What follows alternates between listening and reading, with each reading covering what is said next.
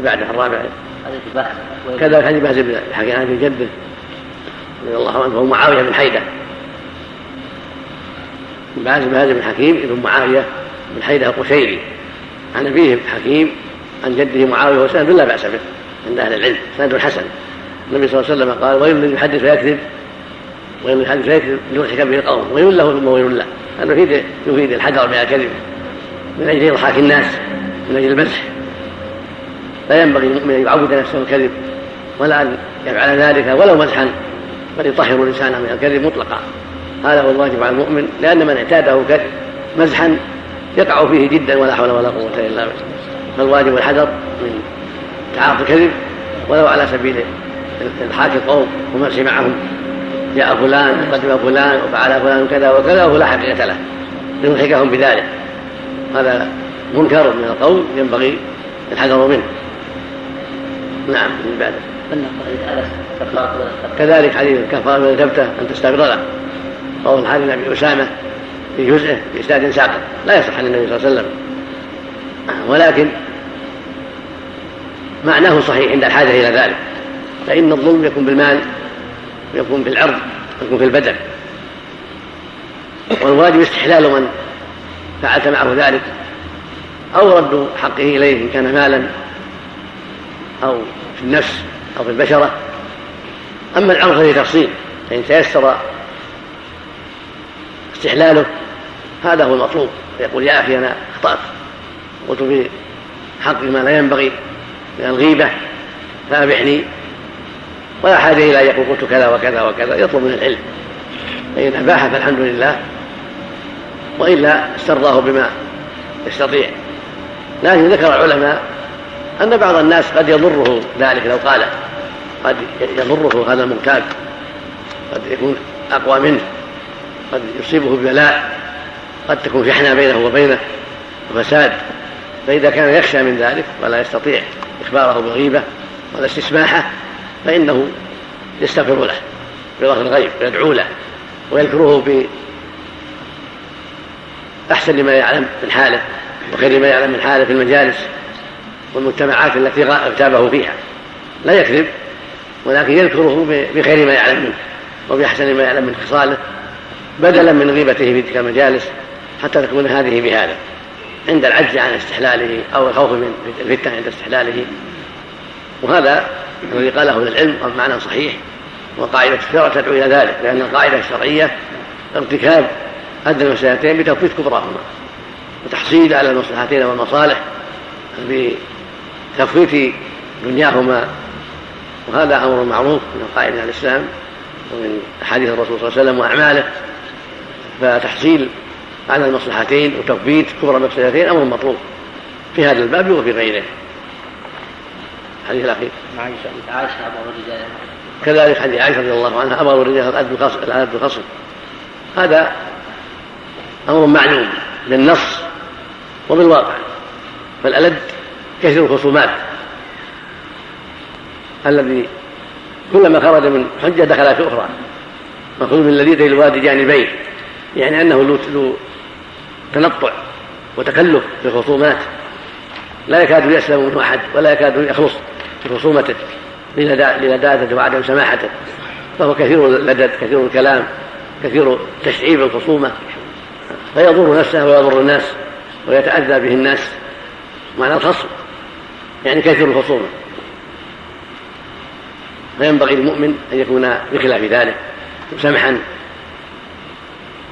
طيب الكلام قريبا من إخوانه بعيدا من الشر وألا يكون زادة في خصومته وتكلف في خصومته فيبغضه الناس ويبغضه الله عز وجل. فالواجب في مثل هذا العناية بأسباب إنهاء الخصومة والسلامة من عواقبها الوخيمة. ولو تسامح عن شيء يسير لا يضره. فينبغي له أن يكون بعيدا عن اللدد وكثرة الخصومات والتوسع فيها تشقيقها والتكلف فيها فإن عاقبة ذلك وخيمة. ولا حول ولا قوة إلا بالله. والله أعلم. سم. التي قامت دعوها ما تمكن هذا الحديث الصحيح لما لعن بعض الناس قال لا لا تصحبنا ناقة ملعونة. قال العلماء من باب التنفير عن اللعن التحذير منه. وليس معناها أنها تخرج من ملكه لا يعلم ملكه تصرف فيها بعدين. لكن الرسول أمر بذلك لاجل التنفير من اللعن. نعم نعم. لكنها لا تخرج عن ملكه عند أهل العلم إنما يتصرف فيها بعد ذلك. نعم. من أراد أن يقتص ممن لعنه نعم. من أراد أن يقتص ممن لعنه لا بأس. يدخل تحت حديث ابي الدرداء لا لا يزيد عليه. تقدم لكم حديث المستبان ما قال فعلى البادئ ما لم يعتد المرضي فإذا قال لعنك الله قال بل أنت لعنك الله ما في مشكلة. قصاص. أو قال أخزاك الله قال بل أنت أخزاك الله. أو قال قاتلك الله قال بل أنت قاتلك الله. هذا قصاص. لكن لو سمح يكون أفضل لو عفا يكون أفضل نعم. ولها أخطاء وأغلاط وانحراف. تناقض نعم. يعني شيخ في هذا الموضوع يعني إذا واحد مثلا واجه مثل هؤلاء رد عليهم مثلا إن الإنسان إذا رد عليهم مثلا يقول نؤمن إن الله له وجه يليق بجلاله ويدا تليق بجلاله ورجلان تليق بجلاله. ليس كمثله ليس كذلك؟ هذا كل ما ورد كتاب السنة لكن لا يجوز اثبات صفات من دون النص بدون كتاب أو سنة. نعم. بالراي المجرد لا. إنما الإثبات عما جاء في الكتاب العزيز والسنة المطهره مع الإيمان بأنه ليس كمثله شيء سبحانه وتعالى. نعم ليس كمثله شيء وهو السميع البصير. نعم. أجمعين. قال الحافظ بن حجر رحمه الله تعالى اسباب الترغيب في مكارم الأخلاق. عن ابن مسعود رضي الله عنه قال قال رسول الله صلى الله عليه وسلم عليكم بالصدق فإن الصدق يهدي إلى البر وإن البر يهدي إلى الجنة وما يزال الرجل يصدق ويتحرى الصدق حتى يكتب عند الله صديقا وإياكم والكذب فإن الكذب يهدي إلى الفجور وإن الفجور يهدي إلى النار. وما يزال الرجل يكتب ويتحرى الكذب حتى يكتب عند الله كذابا متفق عليه. وعن أبي هريرة رضي الله عنه أن رسول الله صلى الله عليه وسلم قال إياكم الظن فإن الظن أكذب الحديث. متفق عليه. وعن أبي سعيد الخدري رضي الله عنه قال قال رسول الله صلى الله عليه وسلم إياكم والجلوس بالطرقات. قالوا يا رسول الله ما لنا بد من مجالسنا نتحدث فيها. قال فأما إذا أبيتم فأعطوا الطريق حقه قالوا وما حقه؟ قال غض البصر وكف الأذى ورد السلام والأمر بالمعروف والنهي عن المنكر. متفق عليه. وعن معاوية رضي الله عنه قال قال رسول الله صلى الله عليه وسلم من يريد الله به خيرا يفقهه في الدين متفق عليه. وعن أبي الدرداء رضي الله عنه قال قال رسول الله صلى الله عليه وسلم ما من شيء في الميزان أثقل من حسن الخلق أخرجه أبو داود والترمذي وصححه. وعن ابن عمر رضي الله عنهما قال قال رسول الله صلى الله عليه وسلم الحياء من الإيمان. متفق عليه. وعن ابن مسعود رضي الله عنه. أبي مسعود. غلط عند صواب أبي مسعود. البدري يعني. بسم الله الرحمن الرحيم. اللهم صل وسلم على رسول الله وعلى آله وأصحابه. يقول المؤلف رحمه الله باب الترغيب في مكارم الأخلاق. لما ذكر الترهيب مساوي الأخلاق كما تقدم ذكر الترهيب. وبعض الناس يبدأ بها قبل الترهيب. وكل ذلك صحيح. فإن الترهيب والترهيب أمران مطلوبان.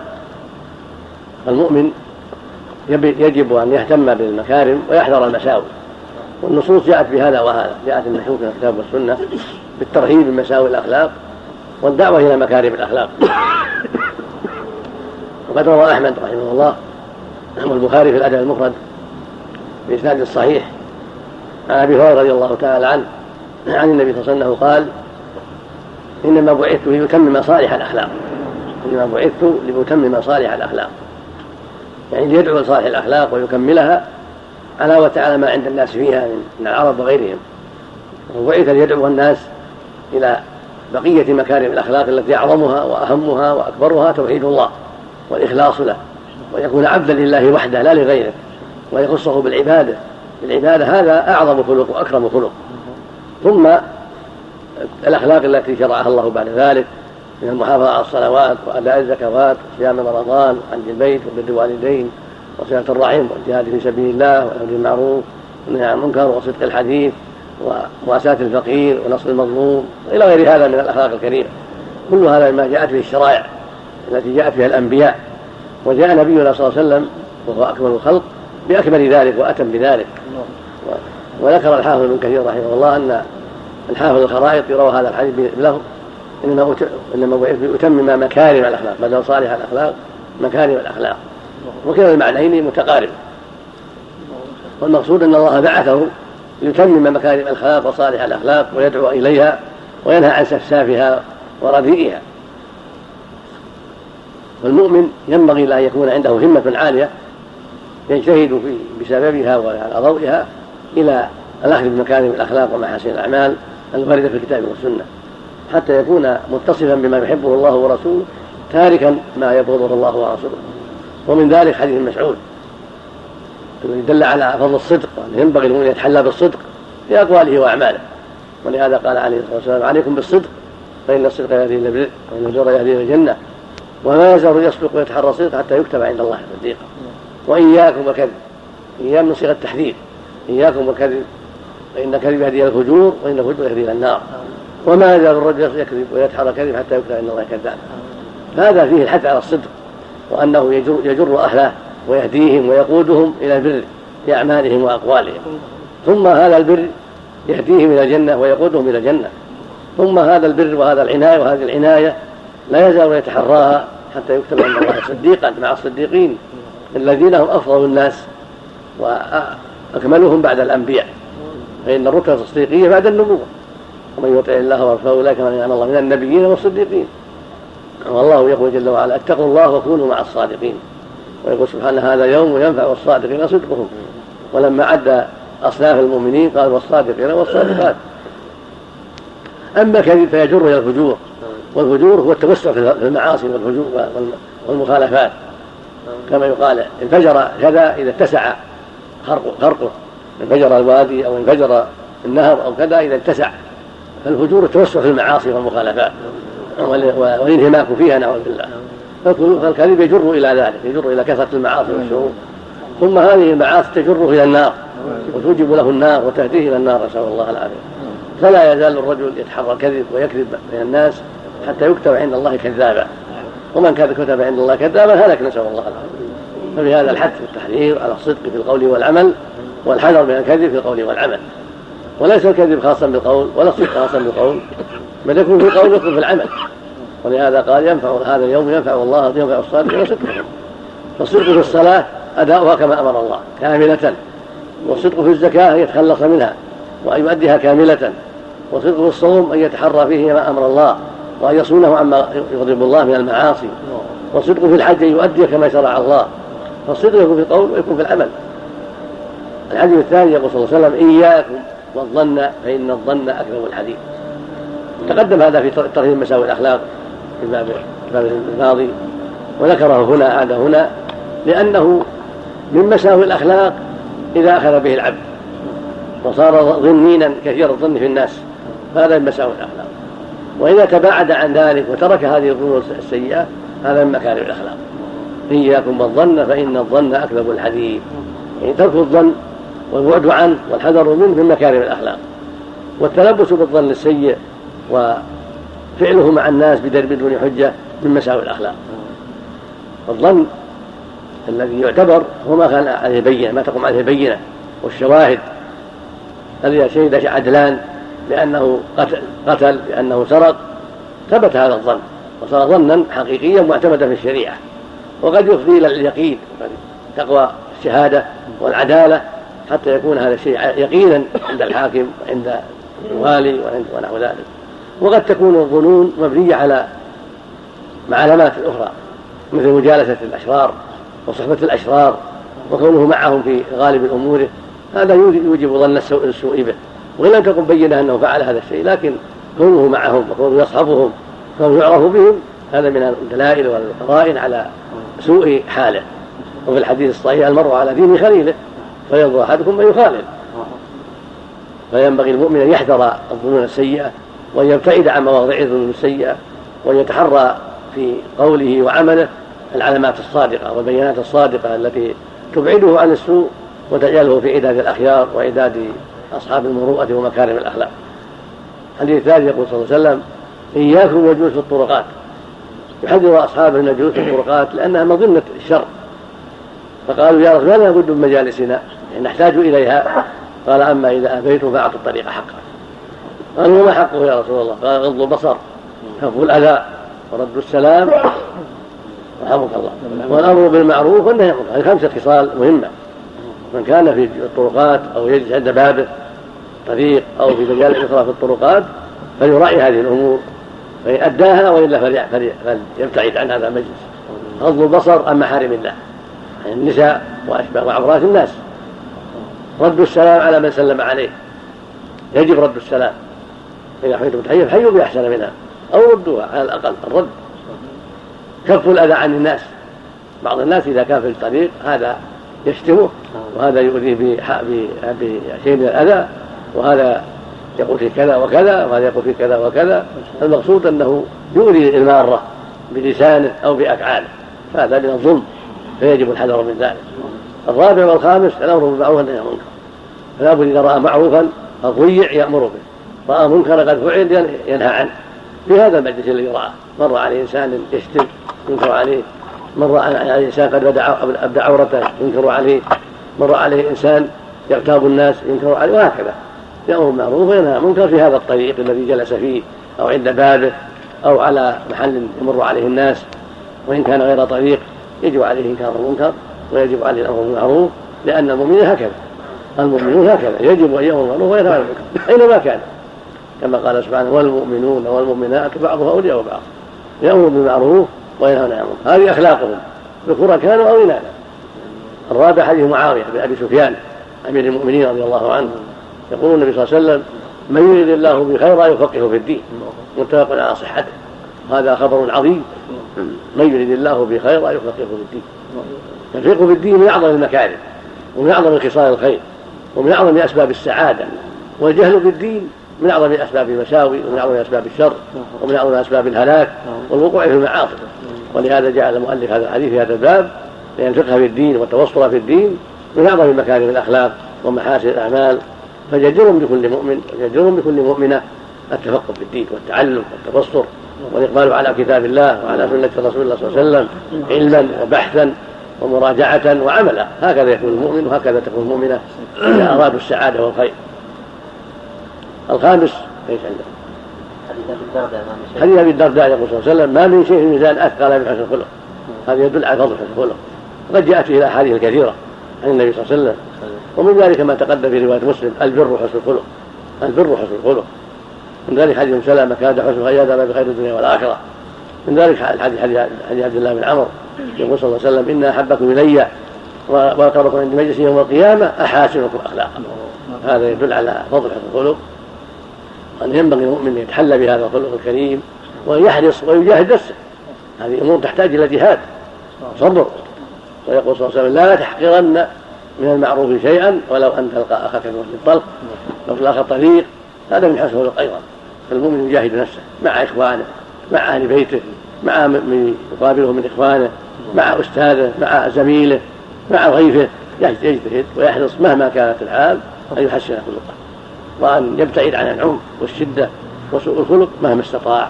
والتوفيق بيد الله جل وعلا. إنما المؤمن يسعى ويسأل ربه التوفيق ويستعين بالله جل وعلا ويجاهد نفسه ويتصبر. كل إنسان يجد من نفسه بعض الشيء لكن لابد من التصبر مع الضيف مع الزميل مع الأستاذ مع الصاحب مع الجار مع الزوجة مع الأولاد مع الخادم لا بد من تصبر حتى يحقق هذه الخصلة ويحسن الخلق السادس حديث ابن عمر هذا حديث ابن عمر كذلك الحياء من الإيمان رواه الشيخان الصحيحين. لا شك لا شك أن الحياء من الإيمان.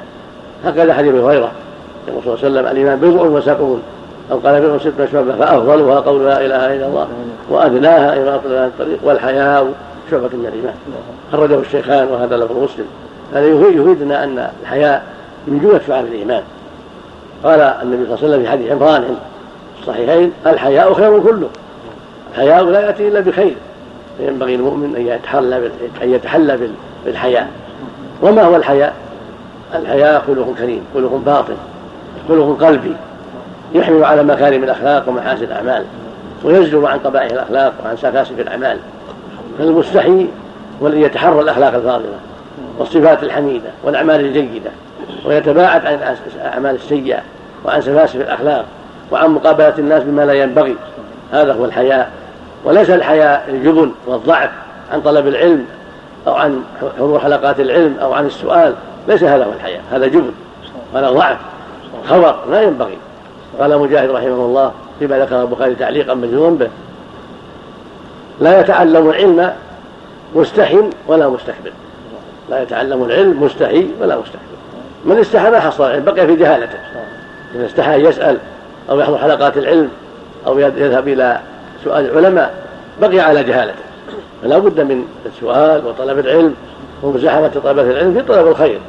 حتى يدرك ما قسم الله له من ذلك. وهكذا قال ابن سليم يا رسول الله إن الله لا يستحي من الحق. هل على المرأة من غسلها احتلمت؟ قال النبي نعم إذا رأت الماء. قالت عائشة رضي الله عنها نعم النساء ونساء الأنصار لم يمنعهن الحياء يتفقهن في الدين. المقصود أن التفقه في الدين هو الواجب على الرجال والنساء ومن ترك ذلك حياء فهذا ليس بحياء ولكنه ضعف وجنون وخور وجهل وإنما الحياء هو الذي يزجرك عن القبائح ويحملك على المكارم هذا هو الحياء. أما حياء يمنعك من إكرام الضيف يمنعك من حضور حلقات العلم يمنعك من السؤال يمنعك من نشر العلم يمنعك من نشر السلام من رد السلام هذا ليس بحياء. ولكنه ضعف وخبر وجبن وجهل لا ينبغي للعاقل وفق الله الجميع. نعم لو يجب على يعني يحمل الخوف على يحمل الظل نعم أقول يجب على المسلم ان يحمل الخوف على المحوط هذا داخل في إياك والله. نعم. يا شيخ موضوع الأوابين. نعم. صلاة الأوابين بعضهم يصليها بعد التراويح. يقول النبي صلى الله عليه وسلم صلاة الأوابين حين ترمض الفصال. إنه يشتد الحر على أولاد الإبل. لكن ما يقالش هذا مبتدعين. في لا مسألة الليل سمها ولا ما سووها يصلونها بعد التراويح. لا السنة بعد التراويح بعد التراويح ما في بأس. لكن ما تسمى صلاة الأوابين وإن سمى هذا أمر سهل ما نعرف أن صلاة هذا في إنها صلاة الأوابين لكن الصلاة بعد التراويح ما في بأس. نعم. نعم. نعم. أن الشهيد أقول الشهيد يغفر له كل شيء للدين هكذا جاء الحديث الصحيح نعم. عليه نعم. الشهيد لا يصلى عليه. نعم. لا يصلى على الشهيد. لا الصحيح لا يصلى السنة لا يصلى عليه ولا يغسل. يدفن في ثيابه ودماءه. كما فعل النبي شهداء أحد عليه الصلاة والسلام. نعم. الحمد لله رب العالمين والصلاة والسلام على نبينا محمد. نعم. يمكن شهيد مراقبة يعني ما هو ما هو معركة يعني مراقب في الموقع. لا يعني مقتول في المعركة. الشهيد مقتول في المعركة. نعم. وعلى آله وصحبه أجمعين. ماذا يوصل حجر رحمه نعم. الله تعالى وعن أبي مسعود رضي الله عنه. قال قال رسول الله صلى الله عليه وسلم إن مما أدرك الناس من كلام النبوة الأولى إذا لم تستحي فاصنع ما شئت. أخرجه البخاري. وعن أبي هريرة رضي الله عنه قال قال رسول الله صلى الله عليه وسلم المؤمن القوي خير وأحب إلى الله من المؤمن الضعيف وفي كل خير. احرص على ما ينفعك واستعن بالله ولا تعجز. وإن أصابك شيء فلا تقل لو أني فعلت كذا كان كذا وكذا ولكن قل قدر الله وما شاء فعل. فإن لو تفتح عمل الشيطان. أخرجه مسلم. وعن عياض بن حمار رضي الله عنه قال قال رسول الله صلى الله عليه وسلم إن الله أوحى إلي أن تواضعوا حتى لا حتى لا يبغي أحد على أحد ولا يفخر أحد على أحد. أخرجه مسلم. وعن أبي الدرداء رضي الله عنه عن النبي صلى الله عليه وسلم قال من رد عن عرض أخيه بالغيب رد الله عن وجهه النار يوم القيامة. أخرجه الترمذي وحسنه ولأحمد من حديث أسماء بنت يزيد نحوه. وعن أبي هريرة رضي الله عنه قال قال رسول الله صلى الله عليه وسلم ما نقصت صدقة من مال وما زاد الله عبدا بعفو إلا عزا وما تواضع أحد لله إلا رفعه. أخرجه مسلم. وعن عبد الله بن سلام رضي الله عنه قال قال رسول الله صلى الله عليه وسلم يا أيها الناس أفشوا السلام وصلوا الأرحام وأطعموا الطعام وصلوا بالليل والناس نيام تدخلوا الجنة بسلام. أخرجه الترمذي وصححه. وعن تميم الداري رضي الله عنه. بسم الله الرحمن الرحيم. اللهم صل وسلم على رسول الله وعلى آله وأصحابه. أما بعد فهذه الأحاديث التي قبلها فيها الحث على مكارم الأخلاق ومحاسن الأعمال وما يعود على العبد بالخير في الدنيا والآخرة. وهو صلى الله عليه وسلم قد دعا إلى كل خير وحرض على كل خير كما قال في الحديث الصحيح ما بعث الله من نبي إلا كان حقا أن يدل أمته على خير ما يعلمه لهم وينذرهم شر ما يعلمه لهم وهو أفضل الأنبياء وأكملهم بلاغا. فقد دل الأمة على كل خير وحذرها من كل شر عليه الصلاة والسلام.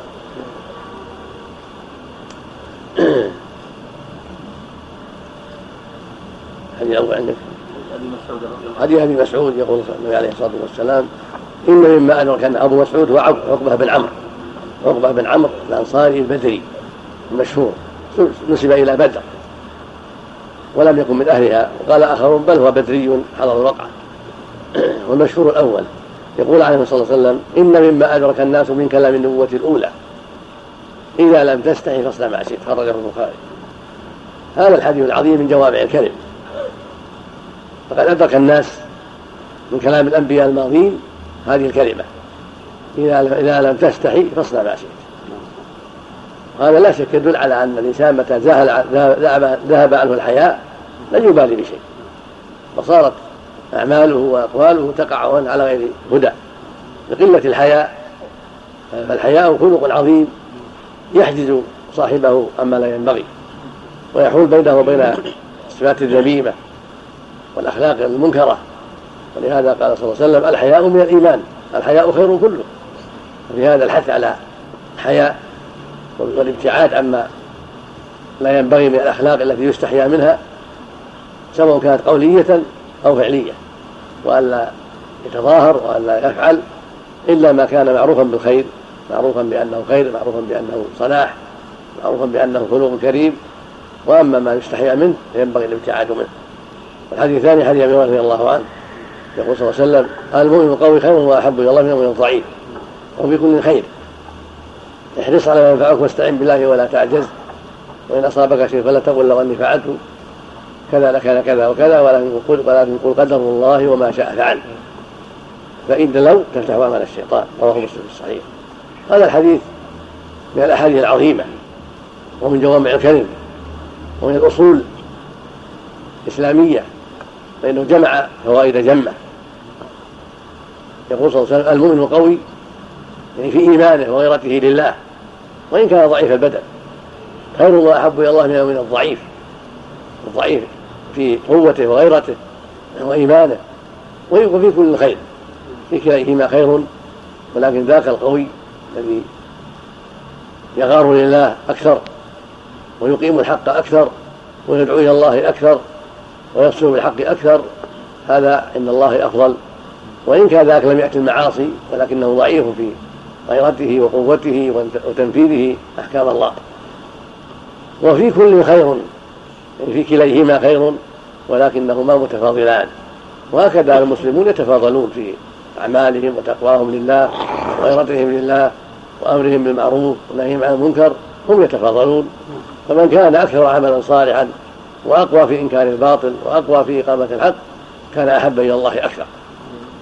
ثم قال احرص على ما ينفعك واستعن بالله ولا هذه قاعدة. يجب الحرص على ما ينفع في أمر الدين والدنيا وعدم العجز. لا يترك الأسباب ولا يترك الأعمال بل يحرص على ما ينفعه. وأهم شيء ما يتعلق بالآخرة وما ينفعه في دينه وما يكون سببا لنجاته يوم القيامة. وعليه مع هذا أن يحرص على ما ينفعه في الدنيا حتى يستغني عما في أيدي الناس حتى يأكل الحلال حتى يقوم بأمر الله. ولهذا قال على ما ينفعك فأطلق فالمعنى ينفعك في الدنيا والآخرة. ولا تعجزن. العجز هو ترك العمل. عاجز هو الذي يضعف عن العمل من غير بأس بل كسلا وضعفا. وإن أصابك شيء فلا تقل لو أني فعلت. يعني لو فات المحبوب الذي الذي طلبته أو حصل المكروه الذي أردت السلامة منه فلا تجزع. وقدر الله وما شاء فعل. ولا تقل لو أني فعلت كذا وكذا لكان كذا وكذا وتعترض على القدر الأمر مضى. ولكن عليك أن تقول قدر الله وما شاء يعني هذا قدر الله تقول مبتدا محذوف المعنى هذا قدر الله. وتقول إنا لله وإنا إليه راجعون. ولا تجزع ولا تسخط. ولا تقول لو أني فعلت كذا لو أني ذهبت به للطبيب ما مات لو أني سافرت به إلى كذا ما جرى هذا هذا غلط. قدر الله نافذ. لو كان أراد الله شيئا لفعلته. ولكن الله أراد أنه ينفذ هذا قدر فعليك أن تصبر لحكم الله وأن تقول إنا لله وإنا إليه راجعون. قدر الله وما شاء فعل. ولا تجزع ولا تقول لو أني فعلت كذا لكان كذا وكذا. فإن لو تفتح عمل الشيطان إن تفتح عليك عمل الشيطان الذي يفضي إلى الجزع والتسخط وعدم الرضا بقدر الله وعدم الصبر وسوء الظن بالله فهو عدو الله يلقي عليك هذه الكلمة. لو لو حتى يقع في قلبك من الشرور وسوء الظن ما لا ينبغي أن يقع في قلبك ولكن تقول قدر الله وما شاء فعل إنا لله وإنا إليه راجعون. وسبحانه بشر الصابرين الذين إذا أصابتهم مصيبة قالوا إنا لله وإنا إليه راجعون. أولئك عليهم صلوات من ربهم ورحمة وأولئك مهتدون ويقول صلى الله عليه وسلم ما من عبد يصاب بمصيبة. فيقول إنا لله وإنا إليه راجعون. اللهم آجرني في مصيبتي وأخلف لي خيرا منها إلا آجره الله في مصيبته وأخلف له خيرا منها. الحديث الثالث حديث عياض بن حمار رضي الله عنه المجاشعي التميمي. يقول صلى الله عليه وسلم إن الله حي أن تواضعوا أن تواضعوا حتى لا يبغي أحد على أحد ولا يخار أحد على أحد. وهذا حديث عظيم يدل على أن الواجب على المؤمن أن لا يفخر وأن لا يتكبر. بل عليه التواضع لإخوانه وعدم التكبر عليهم وعدم الفخر ولهذا قال حتى لا يبغي أحد على أحد يتعدى ولا يفخر أحد على أحد. فالواجب التواضع فيما بينه وبين إخوانه كما يتواضع لله ويخضع لله ويؤدي حقه هكذا يتواضع لإخوانه ولا يتكبر عليهم بنسب أو مال أو وظيفة أو غير ذلك ولا يفخر عليهم بنسب أو مال أو غير ذلك بل يتواضع ويعتبرهم إخوانه في كل شيء وقد يكونون أفضل منه لو تأمل. قد يكونون أفضل منه في علمهم وأعمالهم لكن قد يعميه عن ذلك الكبر والهوى. فالواجب على المؤمن أن يتواضع لله حتى يعرف قدر إخوانه وحتى يعرف لهم حقهم وحتى ينصفهم فيما يتعلق بحقوقهم عليه. الرابع حديث أبي الدرداء يقول النبي صلى الله عليه وسلم من رد عن عرض أخيه بالغيب رد الله على وجه النار يوم القيامة. وهكذا حديث أسماء بنت يزيد شاهد في الباب. والمعنى أن المؤمن سمع من يتكلم في عرض أخيه يرد عنه. ويقول اتق الله يا فلان دع عنك هذا الكلام. إذا سمع يقول فلان بخيل فلان شرس الأخلاق فلان كذا فلان كذا يقول اتق الله دع هذا. هذا من الغيبة. ولما قال رجل عند النبي صلى الله عليه وسلم في غزوة تبوك لما تخلف كعب قال شغله النظر في عطفيه وكذا وكذا قال قام معاذ وقال ما علمنا عليه إلا خيرا. فدل ذلك على أن المؤمن يرد عن أرض أخيه بالغيب ولا يسكت. ويسمع الغيبة. بل يتكلم ويقول اتق الله يا فلان دع هذا عنك لا ينبغي لك هذا لا يجوز لك هذا. من باب التعاون على البر والتقوى ومن باب إنكار المنكر ومن باب الرد عن ارض اخيه حتى لا يتساهل الناس في هذا ويتوسعوا في هذا فتقع الشحناء والعداوة بين الناس. والخامس حديث أبي هريرة رضي الله عنه يقول صلى الله عليه وسلم ما نقص مال من صدقة وما زاد الله عبدا بعفو إلا عزا وما توفى أحد لله إلا رفعه. هذه الثلاث خصال عظيمة. فالمال لا تنقصه الصدقة بل يزيده الله بركة وخيرا. فينبغي للمؤمن الصدقة ولا يخشى الفقر. الصدقة في محلها الصدقة في محلها من غير إسراف ومن غير إضاعة لما لمن تحت يديه. يبدأ بمن تعون فيتصدق من الفضل الذي أعطاه الله وله من الله وعد بالخلف. وما أنفقتم من شيء ويخلفه وهو خير الرازقين. فالصدقة تزيد بركة وتزيد خيرا لكن عليه يتحرى ما شرع الله في ذلك. وما زاد الله عبدا بعفو إلا عزا بعض الناس قد يظن أنه إذا عفا يكون ذليل يحقره الناس. هذا غلط. العفو لا يزيده إلا عزا ما يزيده ذلة. العفو يزيده عزا عند الله وعند المؤمنين إذا كان العفو في محله. الثالث هو ما تواضع بالله إلا رفعه. قد يظن بعض الناس أن التواضع ذل وأنه مهانة وأنه ضعف. لا التواضع عزة وكرامة وإيمان وتقوى وخوف من الله عز وجل فهو لا يزيده إلا رفعه عند الله وعند المؤمنين.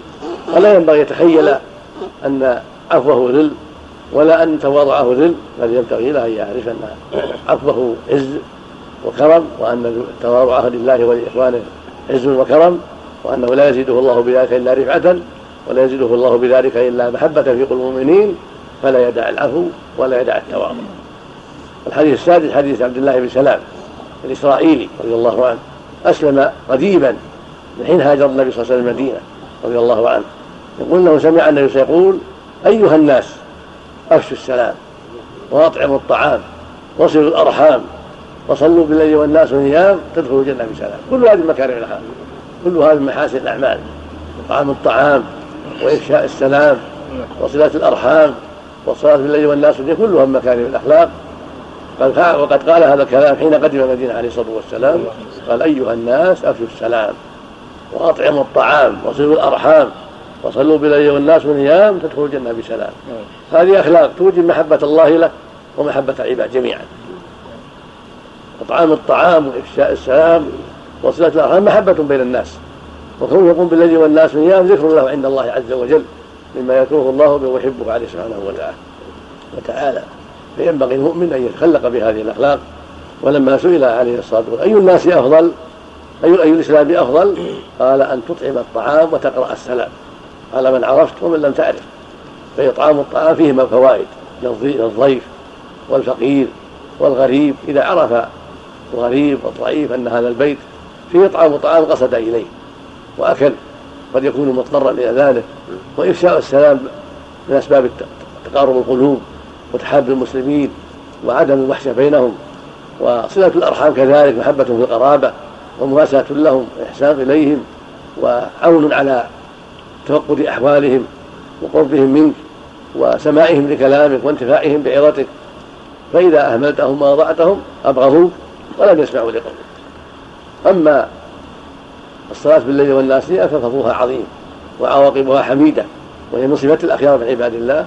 فينبغي المؤمن أن يفعلها لأن الله جل وعلا ورسوله دعا دعا إليها وأمر بها وحث عليها ولما فيها من الخير العظيم.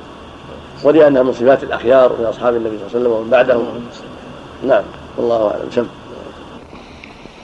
بسم الله الرحمن الرحيم. الحمد لله رب العالمين. والصلاة والسلام على نبينا محمد وعلى آله وصحبه أجمعين. قال الحافظ ابن حجر رحمه الله تعالى وعن تميم الداري رضي الله عنه قال قال رسول الله صلى الله عليه وسلم أدين النصيحة ثلاثة قلنا لمن يا رسول الله. قال لله ولكتابه ولرسوله ولأئمة المسلمين وعامتهم أخرجه مسلم. عندك ثلاثا؟ نعم. المعروف في رواية مسلم ما فيها ثلاثا إنما رواه أبو داود والجماعة فيها ثلاثة. المعروف في نسخ مسلم التي قرأناها. ما فيها ثلاثة. عندي النصح فقط. لكن زاد أبو داود والجماعة ثلاثا في رواية تميم وفي رواية ابن عمر أيضا رواية أخرى. نعم. لا لها رواية. مراجعة مثل النووي الأسماء والأبي لا لها رواية. إنما المشهور في رواية مسلم من دون ذكرها. نعم. نعم. وعن أبي هريرة رضي الله عنه قال قال رسول الله صلى الله عليه وسلم أكثر ما يدخل الجنة تقوى الله وحسن الخلق. أخرجه الترمذي وصححه الحاكم. وعنه رضي الله عنه قال قال رسول الله صلى الله عليه وسلم إنكم لا تسعون الناس بأموالكم ولكن منكم الثاني عن أبي هريرة. نعم. الثاني. نعم وعنه رضي الله عنه. قال قال رسول الله. عن أبي هريرة. نعم نعم نعم وعنه رضي الله عنه قال قال رسول الله صلى الله عليه وسلم إنكم لا تسعون الناس بأموالكم ولكن ليسعهم منكم بسط الوجه وحسن الخلق. أخرجه أبو يعلى وصححه الحاكم. وعنه رضي الله عنه قال قال رسول الله صلى الله عليه وسلم المؤمن مرآة المؤمن. أخرجه أبو داود بإسناد حسن. وعن ابن عمر رضي الله عنه مرآة المؤمن ولا ما عندك أخيه. مرآة المؤمن. ما عندك أخيه. عندي أنا. نعم. عندي أنا أخيه المؤمن. هذا غير احفظ هذا هذا مرآة أخيه المؤمن. نعم. المؤمن مرآة أخيه المؤمن. نعم. نعم. عن ابن عمر رضي الله عنهما قال قال رسول الله صلى الله عليه وسلم نعم. المؤمن الذي يخالط الناس ويصبر على أذاهم خير من المؤمن الذي لا يخالط الناس ولا يصبر على أذاهم. أخرجه ابن ماجه بإسناد حسن وهو عند الترمذي إلا أنه لم يسمي الصحابي. وعن ابن مسعود رضي الله عنه قال قال رسول الله صلى الله عليه وسلم اللهم كما حسنت خلقي فحسن خلقي رواه أحمد وصححه ابن حبان. بسم الله الرحمن الرحيم. الحمد لله وصلى الله وسلم على رسول الله وعلى آله وأصحابه. أما بعد هذه الأحاديث كلها تدعو إلى مكارم الأخلاق ومحاسن الأعمال كما ذكر المؤلف في أول الترجمة. والله جل وعلا بعث نبيه صلى الله عليه وسلم يدعو إلى مكارم الأخلاق ومحاسن الأعمال. وأعظمها توحيد الله والإخلاص له. هو أعظم الأخلاق العظيمة وهو أفضلها ففيه الخلق العظيم الذي يليق بالعبد أن يصفه أن يصف بربه وأنه سبحانه مستحق العبادة. فأحسن الأخلاق وأعظمها وأفضلها أن يكون العبد عابدا لله وحده خاصا له بالعبادة تاركا للشرك به سبحانه وتعالى. روى أحمد رحمه الله بإسناد جيد. عن أبي هريرة رضي الله عنه عن النبي صلى الله عليه وسلم قال إنما بعثت لأتمم صالح الأخلاق. رواه الخرائطي أيضا بسند لا بأس به بلفظ إنما بعثت لأتمم مكارم الأخلاق. هو مبعوث صلى الله عليه وسلم ليدعو الناس إلى مكارم الأخلاق التي منها توحيده والإخلاص له وامتثال أوامره وترك نواهيه جل وعلا والوقوف عند حدوده.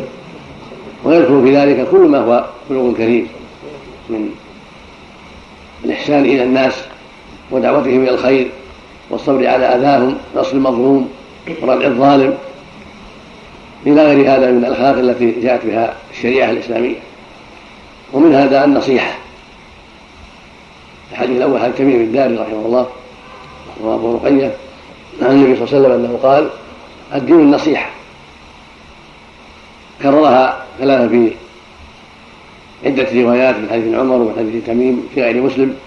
الدين النصيحة الدين النصيحة الدين قيل لمن يا رسول الله؟ قال لله ولكتابه ولرسوله ولأئمة المسلمين وعامته ولا ريب أن النصيحة من أعظم مكارم الأخلاق ومن أعظم خصال المؤمن وهي الدلائل على صفاء قلبه وقوة, وقوة رغبته في الخير.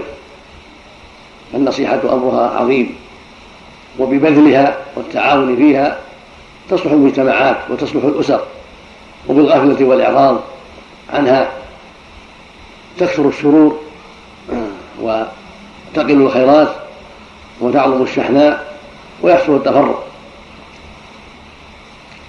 ولهذا قال أدي النصيحة فجعل الدين كله نصيحة. والمعنى أن الدين يعود إلى النصيحة في الأخلاق والأعمال فالدين كله نصيحة فالتوحيد نصيحة لله.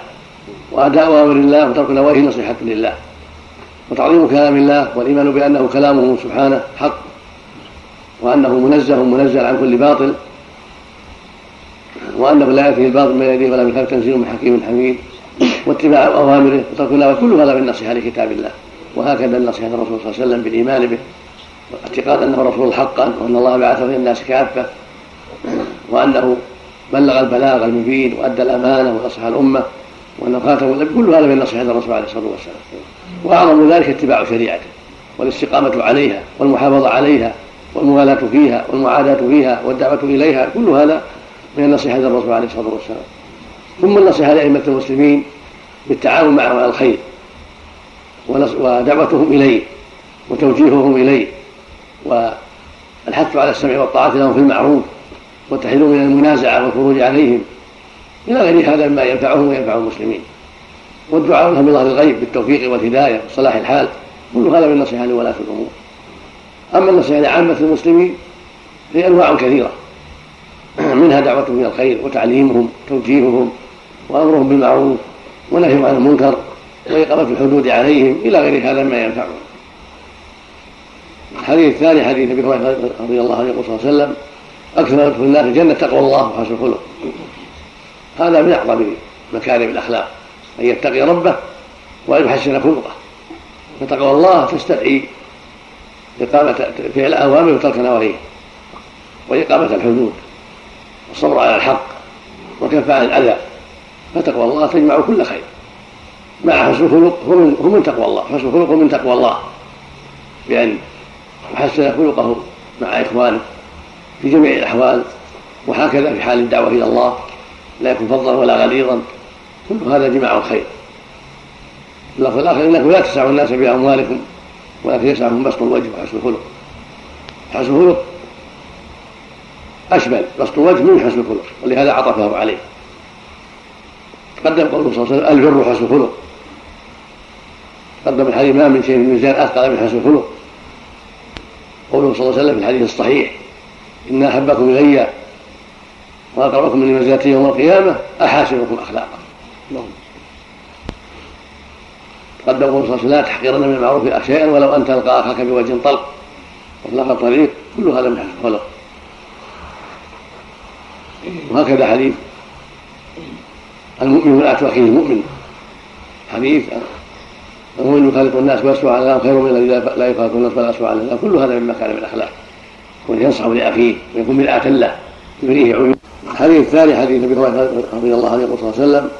أكثر ما يدخل الناس الجنة تقوى الله وحسن الخلق. هذا من اعظم مكارم الأخلاق. أن يتقي ربه وان يحسن خلقه. فتقوى الله تستدعي إقامة فعل الأوامر وترك نواهيه وإقامة الحدود.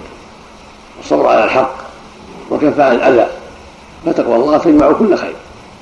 مع حسن الخلق هو من تقوى الله. حسن الخلق من تقوى الله. بأن يحسن خلقه مع إخوانه في جميع الأحوال وهكذا في حال الدعوة إلى الله لا يكون فظا ولا غليظا كل هذا جماع الخير. اللفظ الآخر إنكم لا تسعوا الناس بأموالكم ولكن يسعهم بسط الوجه وحسن الخلق. حسن الخلق أشمل بسط الوجه من حسن الخلق ولهذا عطفه عليه. قدم قوله صلى الله عليه وسلم البر حسن الخلق. قدم الحديث ما من شيء في الميزان أثقل من حسن الخلق. قوله صلى الله عليه وسلم في الحديث الصحيح إن أحبكم إلي وأقربكم من منزلتي يوم القيامة أحاسنكم أخلاقا. قدم قوله صلى الله عليه وسلم لا تحقرن من المعروف شيئا ولو أن تلقى أخاك بوجه طلق. وطلاق الطريق كل هذا من حسن الخلق. وهكذا حديث المؤمن لا أخيه المؤمن. حديث المؤمن يخالط الناس ويسمع عن الناس خير من الذي لا يخالط الناس ولا يسمع عن الناس كل هذا من مكارم الأخلاق. يكون ينصح لأخيه ويكون مرآة له يريه عيوبه وينصحه في تركها. ويري حسناته. ويحثه على الثبات عليها والقيام بها والاستمرار فيها. المرآة تريك ما في وجهك. وما أمام أمام المرآة. مما قال لا تراه فتجتهد في إصلاحه. تريك عيب وجهك. عيب رقبتك أشياء قد لا تستطيع قد لا تراها ولا تفطن لها. فالمؤمن مرآتك يريك حسناتك وسيئاتك وينصحك. يوجهك إلى الخير. وهكذا يصبر على الناس ويخالطهم ويدعوهم إلى الحق. ويزجرهم عن الباطل ويأمرهم بالمعروف وينهى عن المنكر. خير من الذي يعرض ويبقى في بيته. قال صلى الله عليه وسلم اللهم كما حسنت خلقي فحسن خلقي هذا في دعوة طلب من الله جل وعلا أن يحسن خلقه. وهذا أيضا من طلب مكارم الأخلاق فإن دعاءه الرب وسؤاله إياه أن يحسن خلقه معناه أنه يطلب أن يعطى مكارم الأخلاق. لأن تحسين الخلق من مكارم الأخلاق. المؤمن الإنسان إذا صار عنده شيء من الشدة شيء من سوء الخلق فينبغي له أن يضرع إلى الله أن يضرع إلى الله ويسأله من فضله ويجاهد نفسه في ذلك ويعودها الخير. فحسن الخلق يكتسب أيضا يكتسب بالمجاهده وبطلب الله جل وعلا ان يعينه على ذلك. فقد يكون انسان غليظا وقد يكون شديدا وقد يكون شرس الأخلاق ولكن بالتمرن والتدرب وسؤال الله التوفيق والهداية ومعالجة النفس وجهادها يعطى خيرا كثيرا.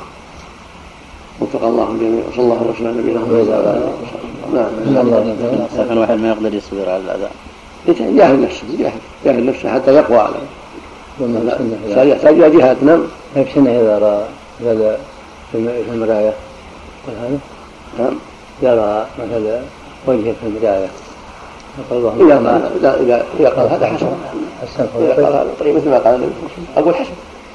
اللهم كلها لكن يقول في كل حال في جميع الأحوال. ولا ما هذا في لأن هذا طلب في حاجة إليه.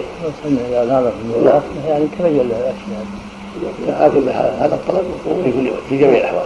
يسأل ربه هذا في جميع الأحوال. وعند البدعات ورؤيه ما انعم الله عليه يشكر الله ويسأل ربه المزيد من فضله. نعم. الحديث هذه كلها. سند ثابته ما اعلم فيها شيء يعني ما اعلم فيها ضعف نعم. ثم سكوت المؤلف عليها كذلك. نعم. نعم. سم. ما جاء وفق الله.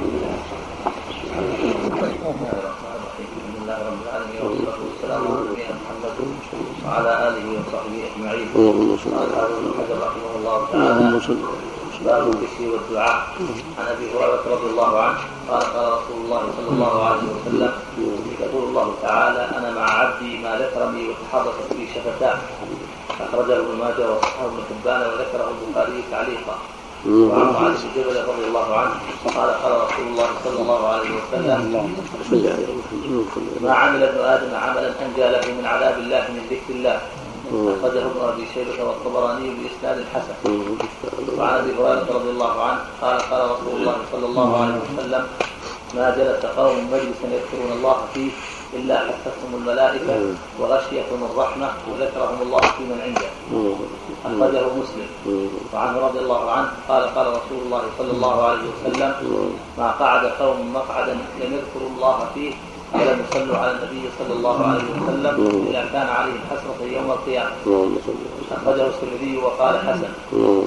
وعن أبي أيوب الأنصاري وعن أبي أيوب الأنصاري رضي الله عنه قال قال رسول الله صلى الله عليه وسلم من قال لا إله إلا الله وحده لا شريك له عشر مرات كان كمن أعتق أربعة أنفس من ولد إسماعيل. متفق عليه. وعن أبي هريرة رضي الله عنه قال قال رسول الله صلى الله عليه وسلم من قال سبحان الله وبحمده 100 مرة حطت عنه خطاياه وان كانت مثل زبد البحر. متفق عليه. وعن جويرية بنت الحارث رضي الله عنها قالت قال رسول الله صلى الله عليه وسلم لقد قلت بعدك أربع كلمات لو وزنت بما قلت منذ اليوم لوزنتهن. سبحان الله وبحمده عدد خلقه ورضاء نفسه وزنة عرشه ومداد كلماته. أخرجه مسلم. بسم الله الرحمن الرحيم. الحمد لله وصلى الله وسلم على رسول الله وعلى آله وأصحابه. أما بعد هذا الباب في الذكر والدعاء. ختم به مؤلف الكتاب. والمناسبة ظاهرة لأن الذكر والدعاء تختم به الحياة تختم به المجالس تختم به الصلوات تختم به الصيام. فذكر الله جل وعلا مطلوب دائما في أول الحياة وفي آخرها وفي أثنائها وفي كل عمل. ولذلك شرع الله جل وعلا الذكر في جميع الأوقات. وندب العباد إلى الذكر دائما في كل شيء.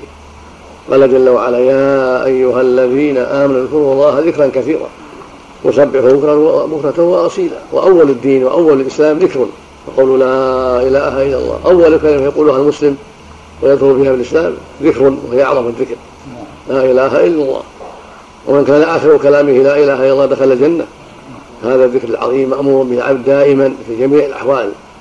في صغره وكبره وشيبته وشبابه ومرضه وصحته وسفره وإقامته وعند موته وفي جميع الأحوال.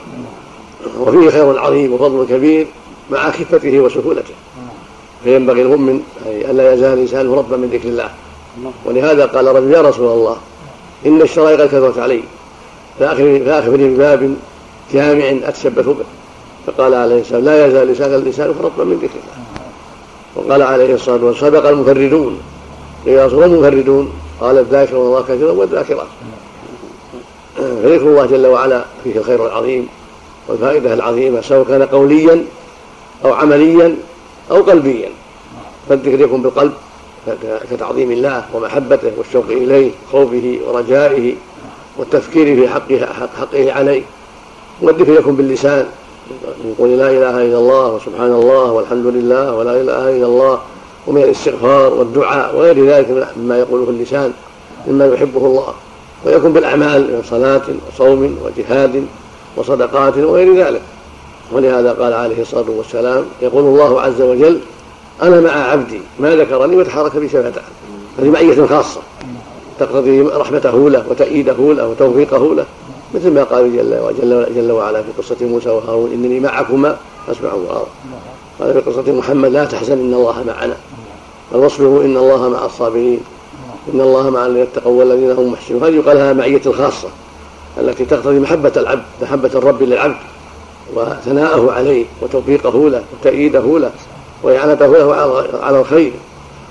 وهناك معية عامة مع العباد جميعا كما قال سبحانه هو معكم أينما كنتم. اي بعلمه واطلاعه. وقدرته عليهم سبحانه وتعالى. الحديث الثاني يقول عليه الصلاة والسلام ما عمل ابن آدم عملا انجى له من عذاب الله من ذكر الله. هذا فيه الحث على الذكر. ولا يقتصر على اللسان مثل ما تقدم بل يكون بالقلب ويكون باللسان ويكون بالعمل. والمقصود من هذا تحريم الغفلة. قال الله في أهل النار ان تحسبوا أن أكثرهم يسمعون أو يعقلون ولا كالانعام بل هم اضل سبيلا. قال عز وجل ولقد ذرنا لجهنم كثيرا من الجن والإنس لهم قلوب لا يفقهون بها ولهم عين لا يبصرون بها ولهم آذان لا يسمعون بها. أولئك الأنعام بل هم أضل أولئك هم الغافلون. الغفله عن الله وعن ذكر هي مفتاح الشر وطريق الشيطان. ومن يعش عن ذكر الرحمن نقيض له شيطانا فهو له قريب. وإنهم لا يصدونه عن السبيل ويحسبون أنهم مهتدون نسأل الله العافية. فينبغي الاكثار من ذكر الله. وهكذا قوله صلى الله عليه وسلم ما جلس قوم مجلسا يذكر الله فيه إلا حفتهم الملائكة. وغشيتهم الرحمة ونزلت عليهم السكينة وذكرهم الله فيما عنده. وهكذا اجتمعوا على دراسة القرآن جاء في هذا المعنى أيضا. وهكذا قوله صلى الله عليه وسلم ما جلس قوم مجلسا يذكروا الله فيه ولم يصلوا على النبي صلى الله عليه وسلم إلا قاموا إلا كان عليه حسرة. بلفظ الله قاموا عن مثل جيفة حمار هذا فيه الحث على عمارة المجالس بذكر الله واستغفاره ودعائه والصلاة على النبي عليه الصلاة والسلام أو بقراءة ما تيسر من القرآن. المقصود أنه لا ينبغي أن تكون المجالس عارية من هذا الخير. بل تكون معمورة بما تيسر من ذلك من قراءة القرآن أو ذكر الله أو استغفار أو دعاء وصلت على النبي صلى الله عليه وسلم. وإذا جمع بين ذلك صار أكبر وأعلم وأعظم. وهكذا حديث أبي أيوب والحديث الخامس يقول صلى الله عليه وسلم من قال لا إله إلا الله وحده لا شريك له له الملك وله الحمد وهو على كل شيء عشر مرات كان كما اعتق أربعة أنفس من ولد إسماعيل. وهو الشيخان البخاري ومسلم في الصحيحين. وهذا فيه فضل عظيم. عشر مرات. لكن مع مع الإيمان ومع الصدق. لأن هذه الكلمات إنما تنفع مع الإيمان والصدق. من قال لا إله إلا الله وحده لا شريك له له الملك وله الحمد وهو على كل شيء. يعني معتقدا لها. مؤمنا بمعناها. معتقدا أنه لا معبود حق إلا الله سبحانه وتعالى. كان كما يعتقد أربعة أنفس من العرب العائلة المستعربة من ولد إسماعيل. والحديث الآخر يقول صلى الله عليه وسلم من قال لا إله إلا الله وحده لا شريك له له الملك وله الحمد وهو على كل شيء قدير. زاد الترمذي يحيي ويميت وهو على كل شيء قدير. مئة مرة في يوم كانت له عدل عشر رقاب وكتب الله له مئة حسنة. ومحى عنه مئة سيئة. وكان في حزب من الشيطان ذلك اليوم حتى يمسي. ولم يأتي أحد بأفضل مما جاء به إلا رجل عمل أكثر من عمله. خرجه الشيطان في الصحيحين. هذا حديث عظيم. ما ينبغي للمسلم أن يدع هذه الأشياء ينبغي المسلم أن يحافظ عليها. كل يوم ويكثر منها. ولا سيما أهل العلم يقتدى بهم.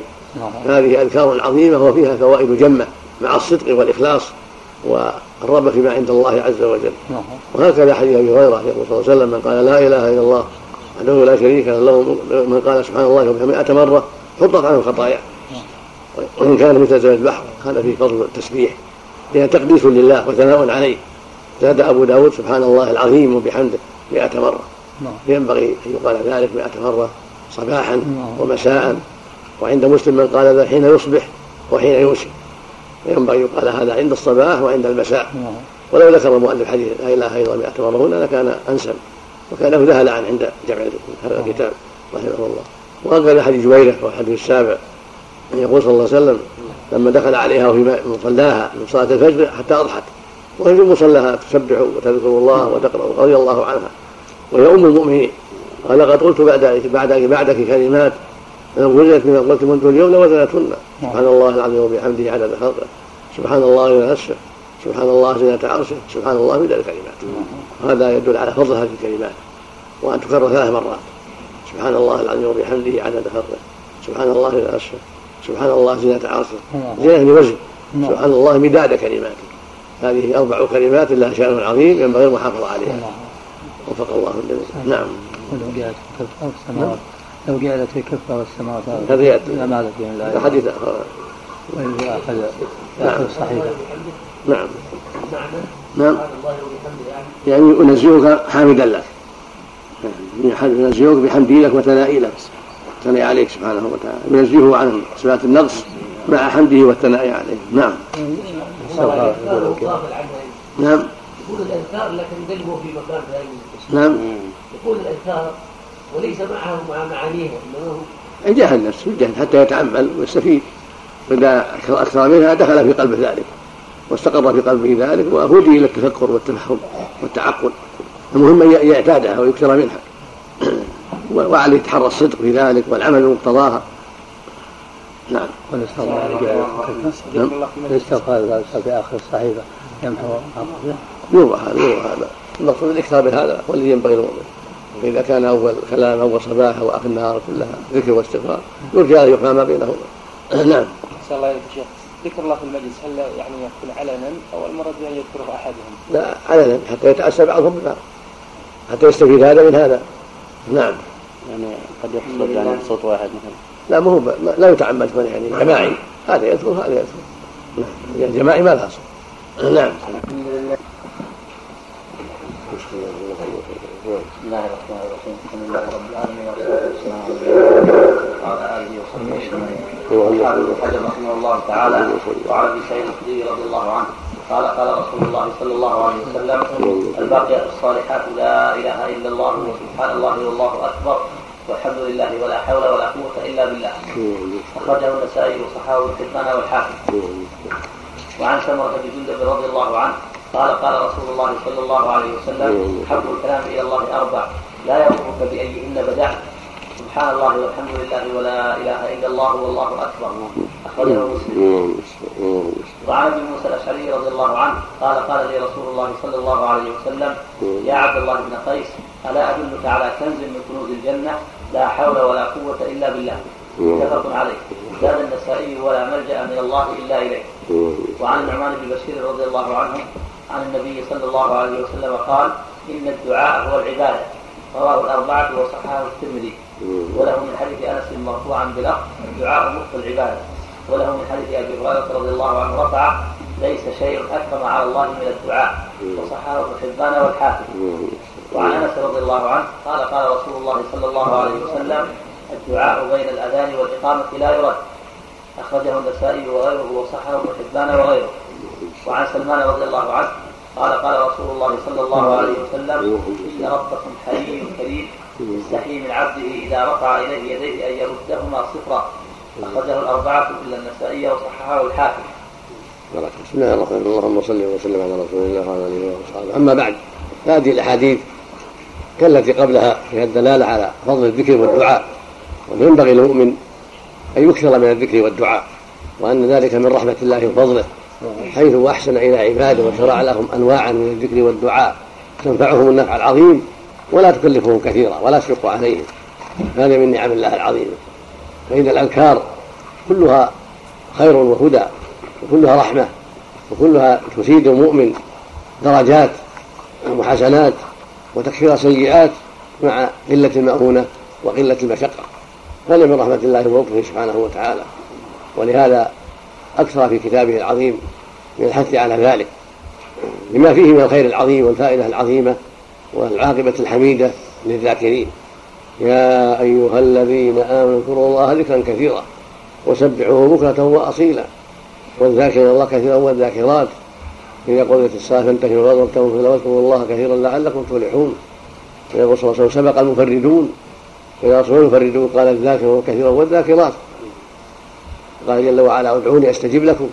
واذا سألك عبادي عني فإني قريب وجب دعوة الداعي إلى دعان. الآية ينبغي المؤمن أن يكثر من الدعاء ومن ذكر الله عز وجل أينما كان. الذين يذكرون الله قياما وقعودا وعلى جنوبهم. في هذا الحديث يقول صلى الله عليه وسلم الباقيات الصالحات سبحان الله والحمد لله ولا إله إلا الله والله أكبر ولا حول ولا قوة إلا بالله. يعني أنها من الباقيات الصالحات. فالباقيات الصالحات الأعمال التي تبقى للمؤمن وتنفعه في الآخرة إذا فعلها لله وأداها لله مخلصا.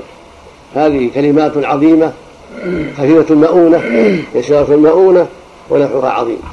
سبحان الله والحمد لله ولا إله إلا الله والله أكبر ولا حول ولا قوة إلا بالله. والله سبحانه والباقي الصالح خير من ذلك ثوابا وخير املا ذلك خير وخير مردا فينبغي المؤمن يكثر منها لعظم شأنها. وهكذا قوله صلى الله عليه وسلم أحب الكلام إلى الله أربع.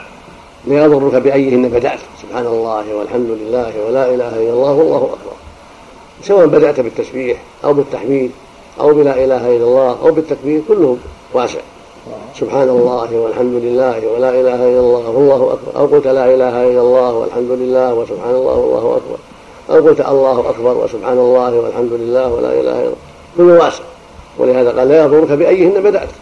فينبغي الإكثار من ذلك. لأنها خفيفه المؤونة عظيمة النفع والجدوى والأجر.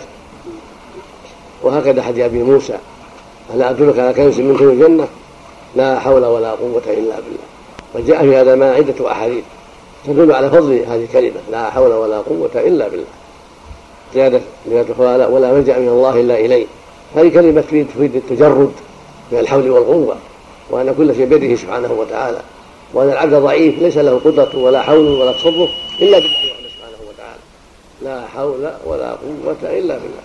المعنى لا حول لي على شيء ولا قوة قوة لي على شيء إلا بالله وحده سبحانه وتعالى. هذا تنصر وتجرد من حولك وقوتك وإقرار بذلك لله وحده سبحانه وتعالى.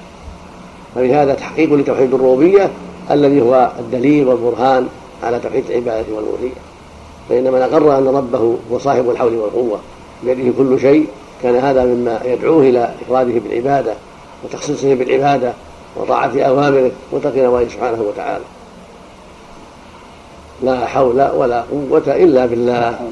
هي كلمة عظيمة ولا سيما عند الشدائد والكروب فإن الله يعين العبد بها على تسهيل أموره وتغيير كروباته لأنه اعترف بالشيء لأهله وهو الله وحده سبحانه وتعالى. لا حول ولا قوة إلا بالله. بعد عنه؟ حديث النعمان الدعاء كذلك حديث النعمان بن بشير بن سعد الأنصاري رضي الله عنه عن أبيه يقول النبي إن الدعاء هو العبادة. هذا يدل على عظم شأن الدعاء وأنه هو العبادة. حصل في عبادة لعظم شأنه مثل مثل الدين النصيحة الحج وعرفة يبين عظم شأن الدعاء. وما ذاك الا لأن الداعي معترف بأن ربه هو الغني الذي يطلب منه الجود والكرم سبحانه وتعالى. هو سميع الدعاء ولهذا دعاه. هو القادر على إجابة الدعوة هو الرؤوف هو الرحيم هو اللطيف فلهذا صار دعاؤه يتضمن وصف الله بصفات كثيرة. دعاؤك إياه يتضمن اعترافك بغناه وأنه ذو الجود والكرم ولهذا طلبته يتضمن أنه يسمع دعاءك مع كونه فوق السماء فوق الأرض جل وعلا. يتضمن أنه رحيم يرحم الداعين ويجيب دعوتهم. يتضمن أنه عليم بحالك لا تخفى عليه خافية.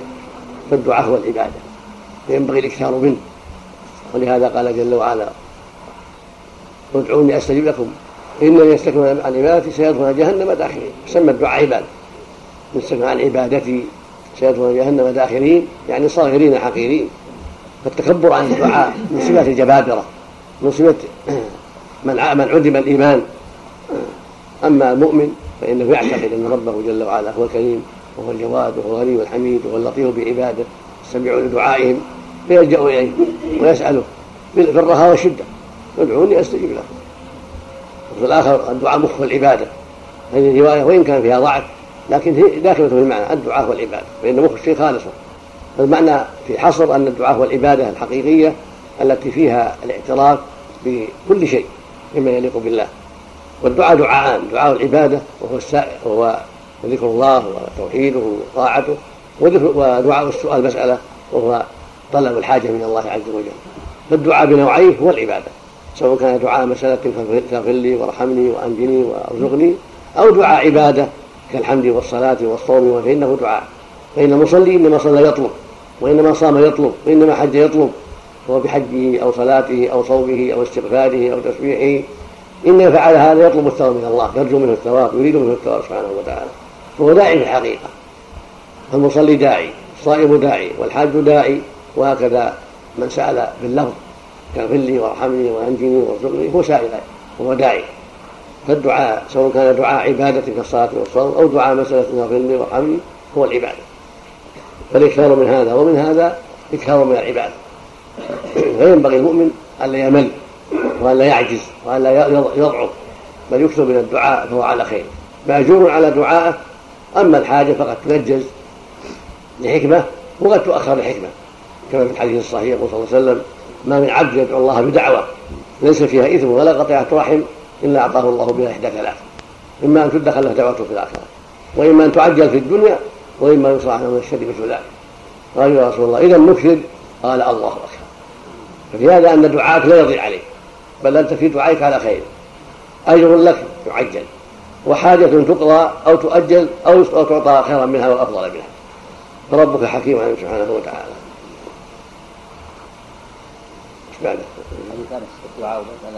كذلك حديث أنس الدعاء بين الأذان والاقامه لا يرد. يعرف أن الدعاء له أوقات يجاب فيها أكثر. فينبغي المؤمن يتحرى الأوقات التي تناسب ويكون الدعاء فيها أقرب للإجابة لأنه بحاجة إلى ذلك. فكونه يتحرى الأوقات المناسبة حتى تجاب دعوته له مأمور بهذا ومشروع له هذا. ومن ذلك ما بين الأذان والإقامة. ومن ذلك آخر الليل. ومن ذلك جوف الليل. ومن ذلك آخر الصلاة حيث قال صلى الله عليه وسلم ثم ليختر من المسألة ما شاء لما علمه التحيات. من ذلك السجود. يقول صلى الله عليه وسلم أقرب ما يكون عند ربه وهو ساجد أكثر الدعاء. يقول أما الركوع فعظموا فيه الرب وأما السجود فاجتهدوا في الدعاء فقبل أن يستجاب لكم فالمؤمن يتحرى أوقات والهيئات المناسبة التي وعد فيها الإجابة وإن كان الدعاء مطلوب في كل وقت وفي كل حين والله وعد بالإجابة مطلقة سواء دعوته في الصلاة أو في هذه الصلاة في الليل أو في النهار في الأذى والإقامة أو في غير ذلك. لكن تحدي الأوقات التي جاء فيها نص خاص يكون ذلك أكمل كآخر الصلاة قبل السلام وكآخر الليل عند التنزل الإلهي وكجوف الليل الآخر وكما بين الأذى والإقامة وهكذا عند الخروج والشدة. يجوز البطلان إذا دعاه ويكتب السوء فينبغي أن يتحرى هذه الأوقات ومع ذلك يدعو في الأوقات الأخرى. يكون حريصا ويكون يكون مكثرا من الدعاء فإن الله يحب من عباده أن يسألوه ويضرعوا إليه وأن يكثروا من ذلك لأن في دعائهم إياه اعترافا بجوده وكرمه وإحسانه إلى عباده وقدرته على الإجابة وسمعه للداعي وعلمه بحال الداعي. واللفظ الآخر ليس شيء أكرم على الله من الدعاء. وما ذاك الذي ما فيه من اعتراف الداعي بأن ربه يسمع دعاءه وأنه على كل شيء قدير وأنه الجواب الكريم وأنه الرحمن الرحيم ولهذا دعاه نعم. بعد. نعم.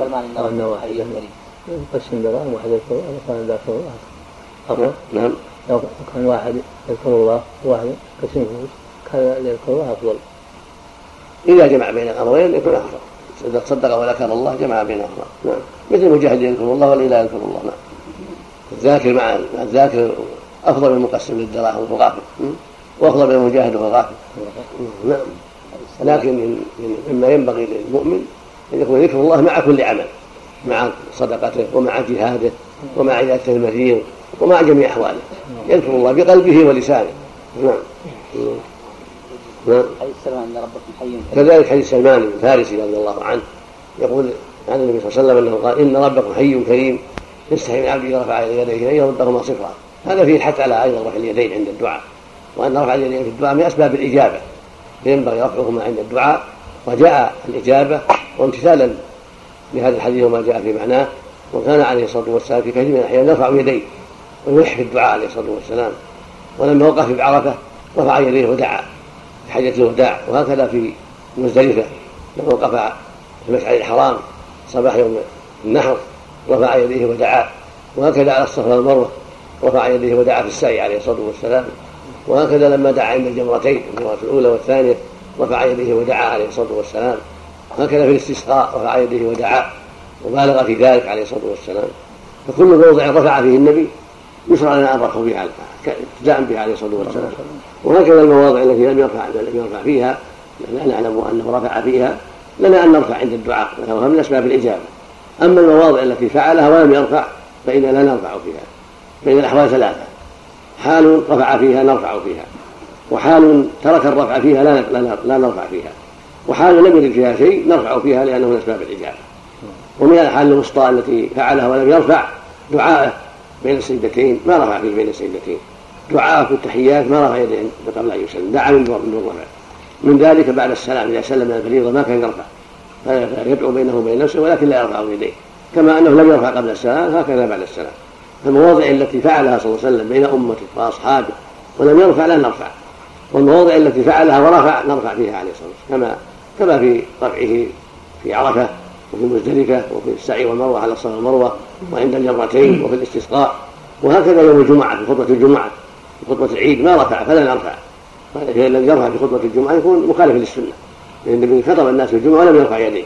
فدل ذلك على أننا نتحرى فعله صلى الله عليه وسلم وسنته حيث رفع رفعنا وحيث حيث ترك تركنا. والمواضع التي لم يرد فيها لا هذا ولا هذا نحن مخيرون. إن رفعناه من أسباب الإجابة وإن لم نرفع فلا بأس. بعده. تم تم. نعم. نعم. خطبة. إيش؟ خطبة الجمعة. لا يرفع فيها نعم النبي ما رفع فيها. في الاستسقاء يرفع. إذا استسقى يرفع. استسقى في خطبة الجمعة ورفع يده. إذا إذا استسقى في وقت الجمعة يرفع يديه لكن خطبة الجمعة العادية التي ما فيها استسقاء لا يرفع. نعم. نعم. ما أعلم فيها شيء. وإذا رفع حسن. ما, ما نعلم شيء يعني حتى الاستخارة. وإذا رفع فيها كان أبلغ في الدعاء نعم. نعم جاء في قنوت النوازل رفع فلهذا ذكر العلماء شرعية الرفع في قنوت الوتر لأنه جنس قنوت النوازل.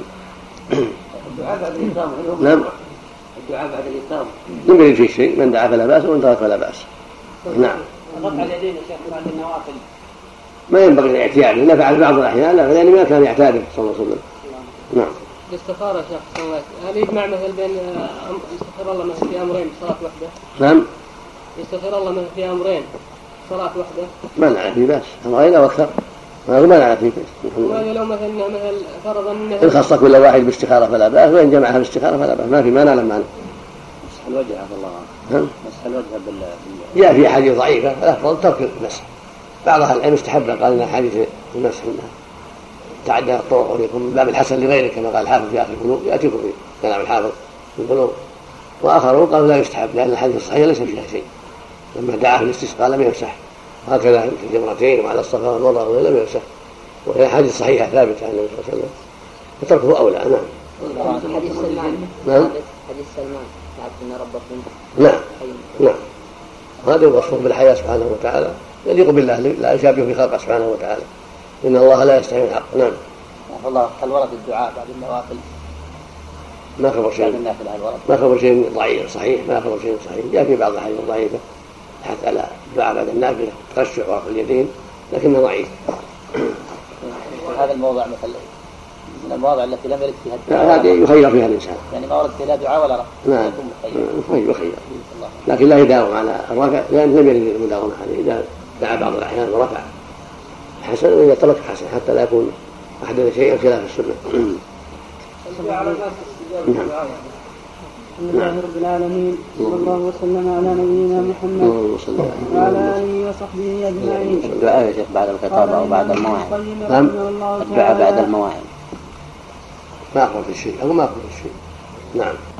بسم الله الرحمن الرحيم. الحمد لله رب العالمين والصلاة والسلام على نبينا محمد وعلى آله وصحبه أجمعين.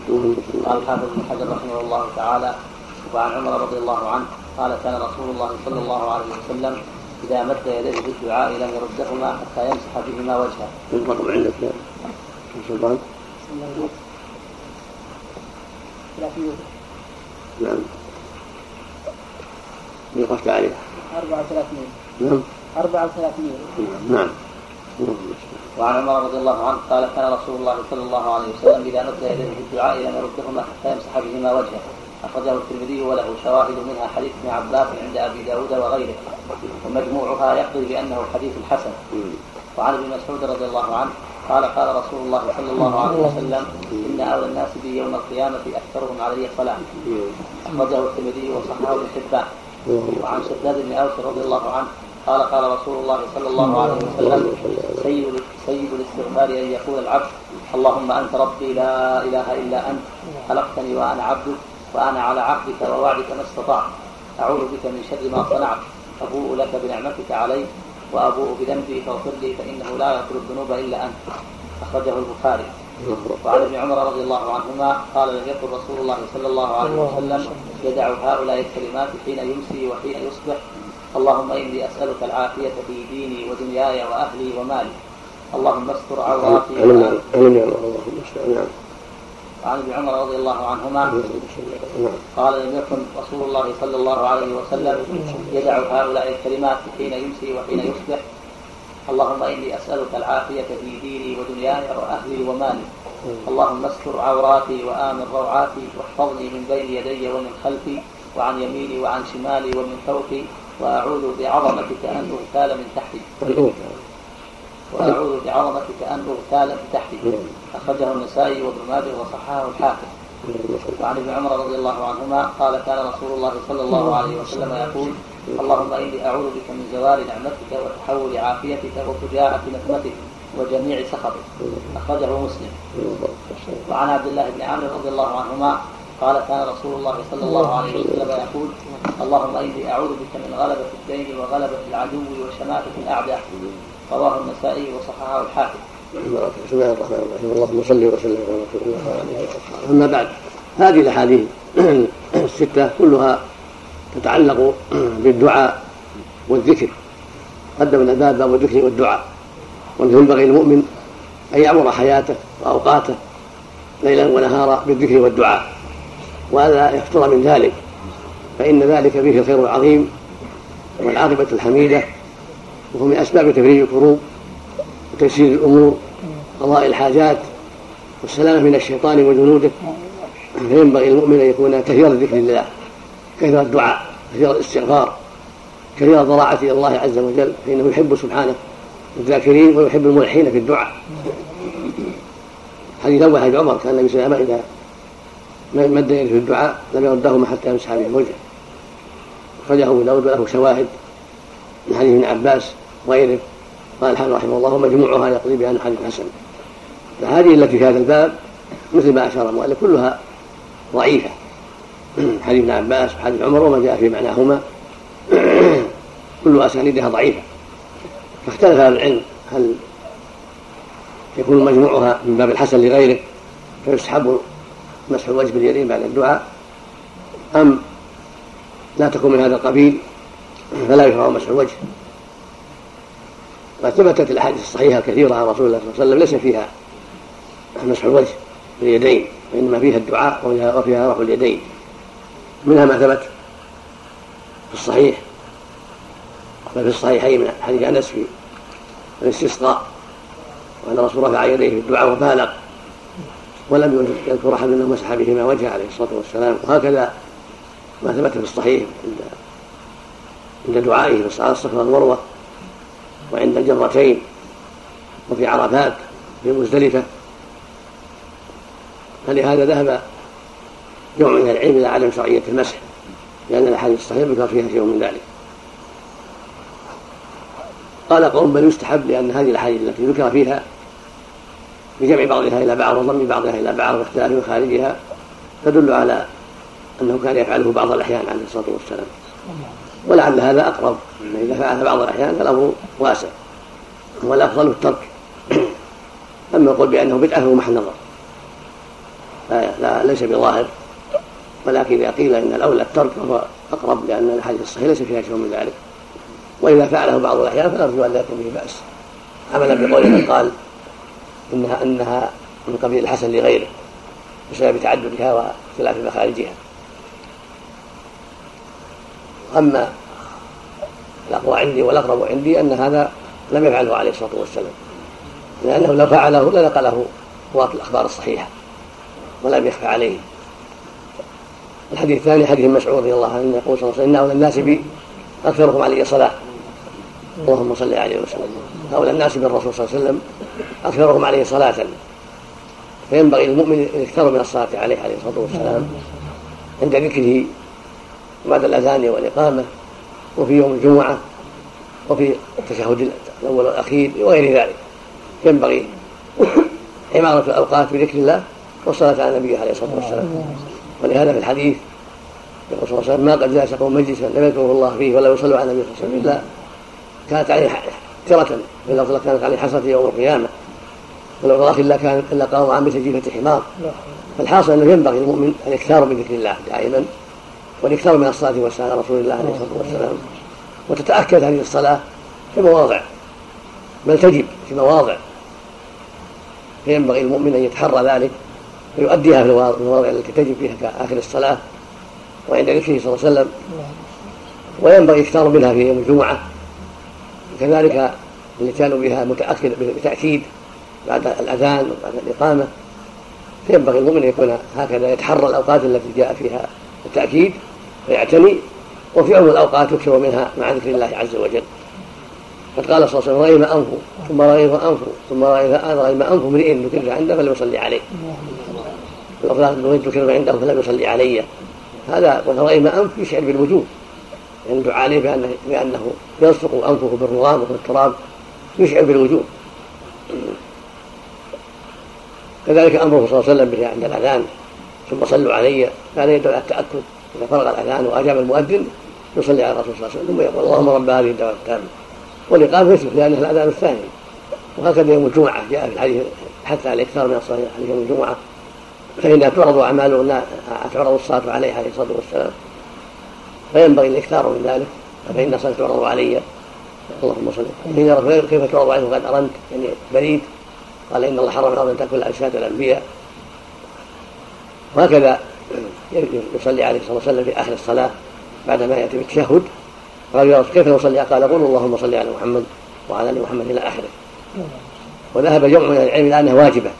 قال قوم انها ركن في التشهد الأخير فينبغي العناية بذلك عدم ترك ذلك. فإن قول بوجوبها أو ركنيتها قول قوي قول له حظه من القوة فلا ينبغي للمؤمن أن يدعها.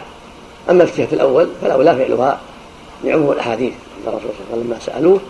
كيف نصلي عليه؟ قال قولوا اللهم صل على محمد وعلى ولم يقل في الأخير بل اطلق قال والسلام كما قد علمتم. والسلام يقال في الأول وفي الأخير. السلام عليك أيها النبي ورحمة الله وبركاته. هذا يقتضي أن الصلاة عليه في الموضوعين جميعا في الأخير والأول جميعا. لكنها في الأخير أشد وآكد ولهذا ذهب أحمد رحمه الله والشافعي إلى وجوبها. في الأخير وقال قوم في ركنيتها وهو المذهب ان الحنابلة في ركنيتها في الأخير. هذا يوجب العناية بها وعدم التفريط فيها.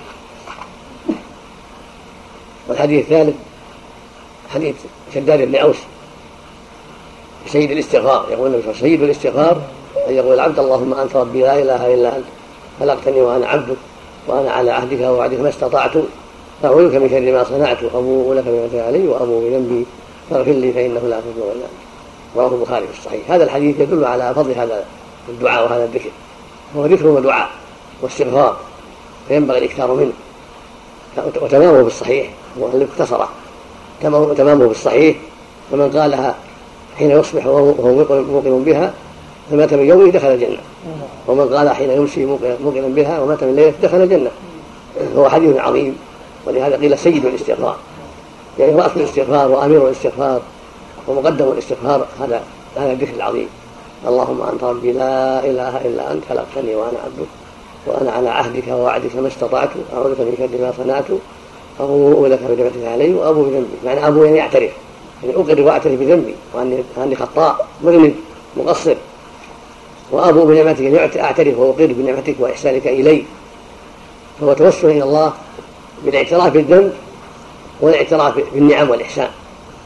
فهو معترف بتقصيره وعدم قيامه بشكر الله سبحانه وتعالى.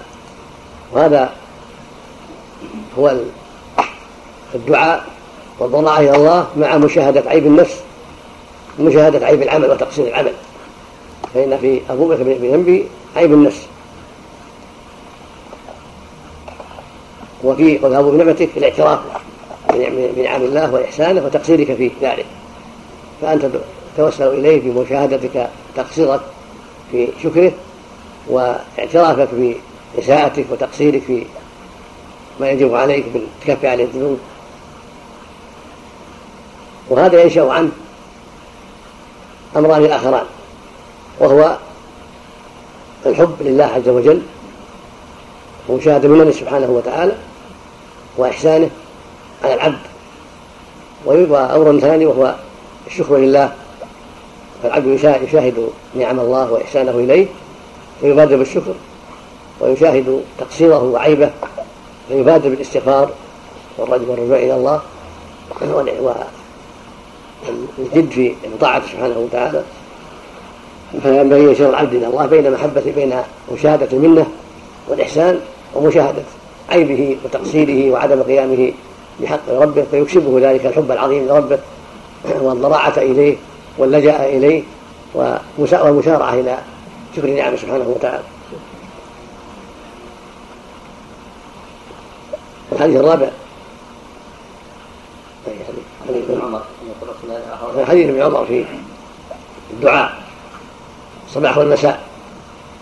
كان يشرع في الصباح والمساء. اللهم إني أسألك العافية في ديني ودنياي وأهلي ومالي. اللهم استر عوراتي وآمن روعاتي احفظني من بين يدي ومن خلفي وعن يميني وعن شمالي ومن فوقي. وأعوذ بعظمتك ان اغتال من تحتي. رواية وكان يقول في أوله اللهم إني أسألك العافية. في